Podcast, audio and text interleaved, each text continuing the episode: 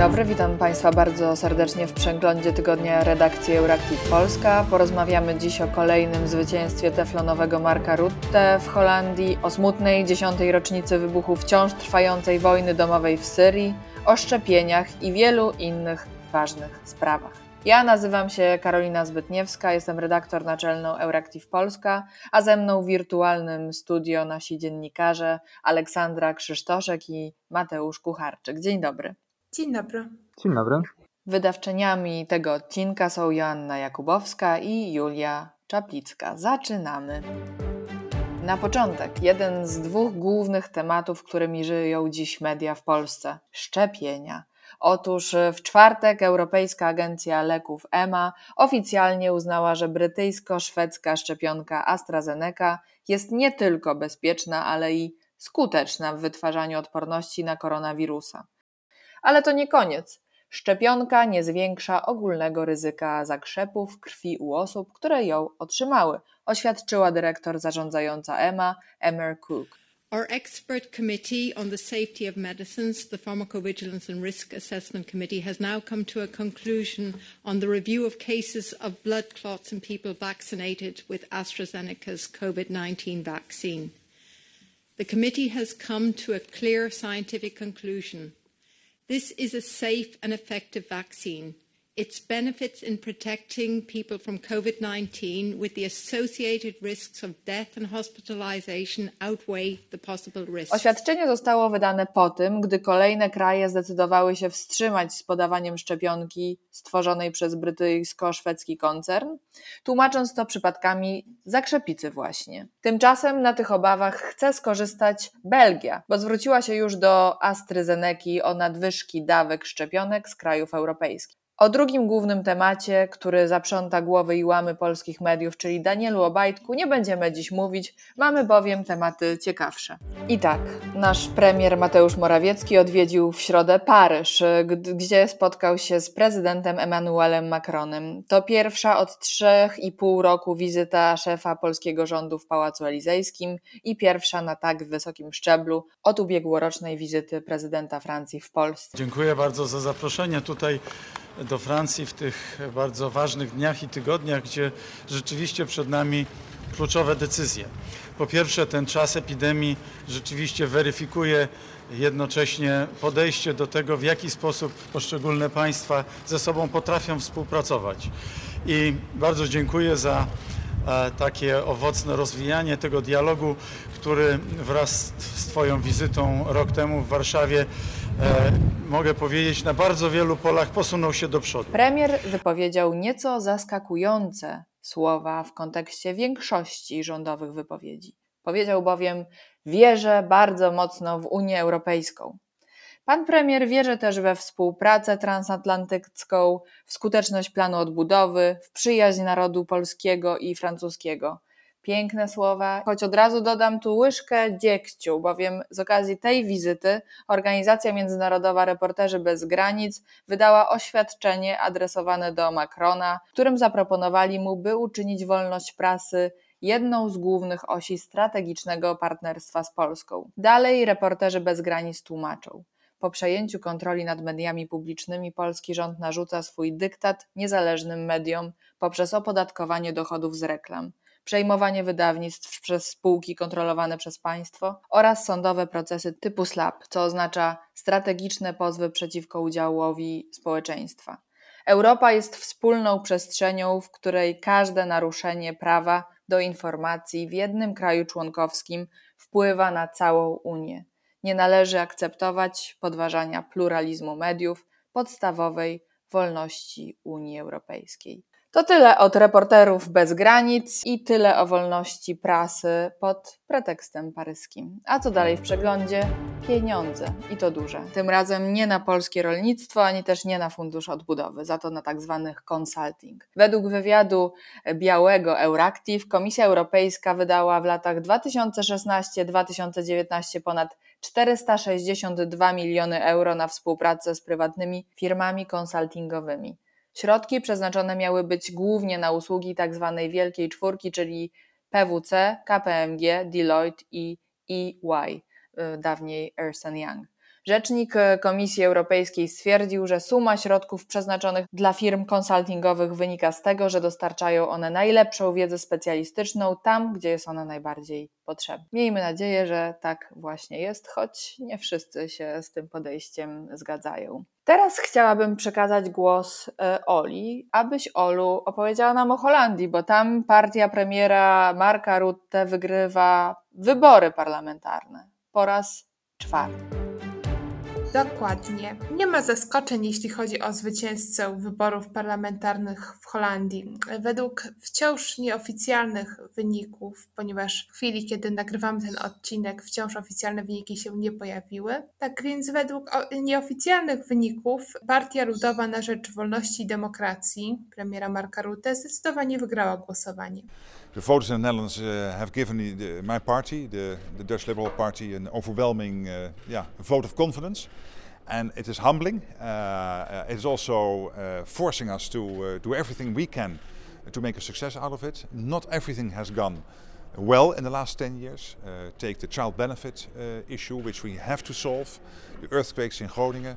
But of course, the main issue also on the table for the next years is how to rebuild the country, Zaskoczeniem uh, jest za to wysoki wynik dotychczasowego koalicjanta tego ugrupowania, czyli Demokratów 66, a także strata w porównaniu do poprzednich wyborów skrajnie prawicowej i antymuzułmańskiej Partii Wolności Geerta Wildersa. Te wybory były w pewnym sensie takim swoistym referendum poparcia dla Rutte i jego ugrupowania po słynnym już skandalu z nieprawidłowością nieprawidłowościami y, w działaniach Urzędu Skarbowego w sprawie wypłat zasiłków na dzieci, a konkretnie bezprawnego ścigania rodziców za rzekome próby wyłudzenia nienależnych im świadczeń. Jak jednak widać, Holendrzy wciąż stoją murem za Rutte, czego świadectwem jest nie tylko wysoki wynik jego partii w wyborach, ale także sondaż Ipsos, z którego wynika, że jest on zdecydowanie preferowanym kandydatem na premiera, a wszyscy inni potencjalni kandydaci cieszą się przynajmniej o połowę niższym poparciem. Media zastanawiały się, co jest przyczyną tak ogromnego zaufania Holendrów do Rutte.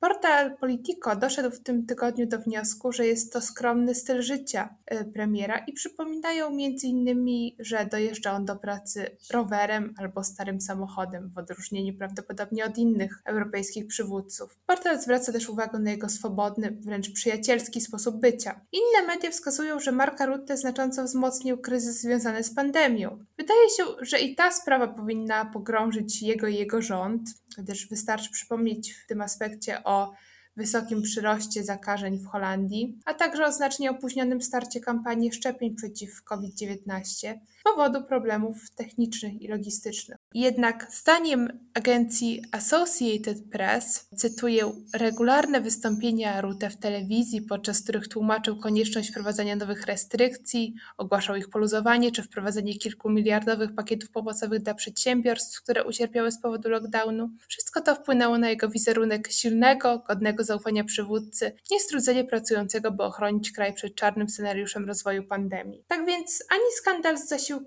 e, za który zresztą premier wziął odpowiedzialność, ani problemy z, w walce z koronawirusem nie wpłynęły na wręcz uwielbienie Holendrów dla swojego szefa rządu. Tak więc teflonowy, jak wskazała Karolina Mark Rutte, jest chyba jeszcze bardziej teflonowy niż kiedykolwiek. O ile samo zwycięstwo Rutte w wyborach w żadnym wypadku nie powinno być zaskoczeniem, jeśli śledziło się przedwyborcze sondaże, to pytanie brzmiało, jak będzie wyglądała nowa koalicja rządząca. Tym bardziej, y, jeśli wziąć pod uwagę, że sformowanie poprzedniej koalicji zajęło Rutę rekordowo długi okres w historii Holandii. Tym razem jednak wynik dla dotychczasowego obozu rządzącego daje razem większość w Izbie Reprezentantów, a na chwilę, w której nagrywany jest ten odcinek, y, Rutę potwierdził wolę współpracy z dotychczasowymi koalicjantami. Jeśli rzeczywiście uda się sformować rząd, to będzie to już czwarta kadencja Marka Rutte w roli premiera. 54-letni obecnie Rutte sprawuje tę funkcję od 2010 roku. Jeśli więc dotrwa na stanowisku premiera do końca kadencji, czyli do połowy obecnej dekady, to stanie się on najdłużej rządzącym premierem w historii kraju. Oprócz tego należy pamiętać, że w tym roku rządy kończy niemiecka kanclerz Angela Merkel, a zatem Rutte i węgierski premier Viktor Orban stają się dwoma przywódcami z najdłuższym stażem w Radzie Europejskiej. Biorąc pod uwagę, no, delikatnie mówiąc, nieco odmienne wizje polityki europejskiej, jakie mają ci dwaj charyzmatyczni premierzy, no, na arenie europejskiej może stać się ciekawie. No ja już szykuję więc popcorn i z radością będę oglądać e, dalsze wydarzenia.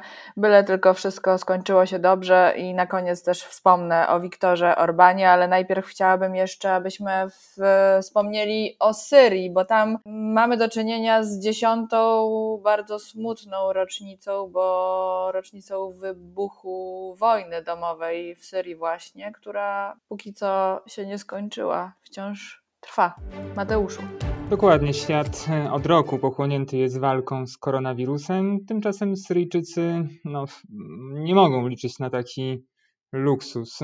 Od 15 marca, od 10 lat 2011 roku do dziś na naszych oczach, na oczach świata trwa najdłuższa i zdecydowanie najkrwawsza z wojen XXI wieku.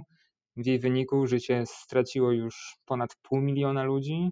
Ten years ago, the violent suppression of peaceful popular demonstrations in Syria set the country on the path to a horrific war.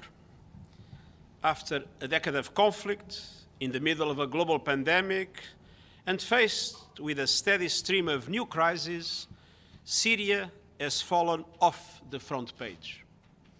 And yet, Statystyki konfliktu można wymieniać w nieskończoność. Polskie Centrum Pomocy Międzynarodowej informuje na przykład, że Syria jest e, w 40% zrównana z ziemią, a zniszczenia materialne są większe niż na przykład w Polsce po II wojnie światowej. Po dekadzie konfliktu ponad 13 milionów osób potrzebuje pomocy humanitarnej, a to z kolei 60% e, populacji kraju.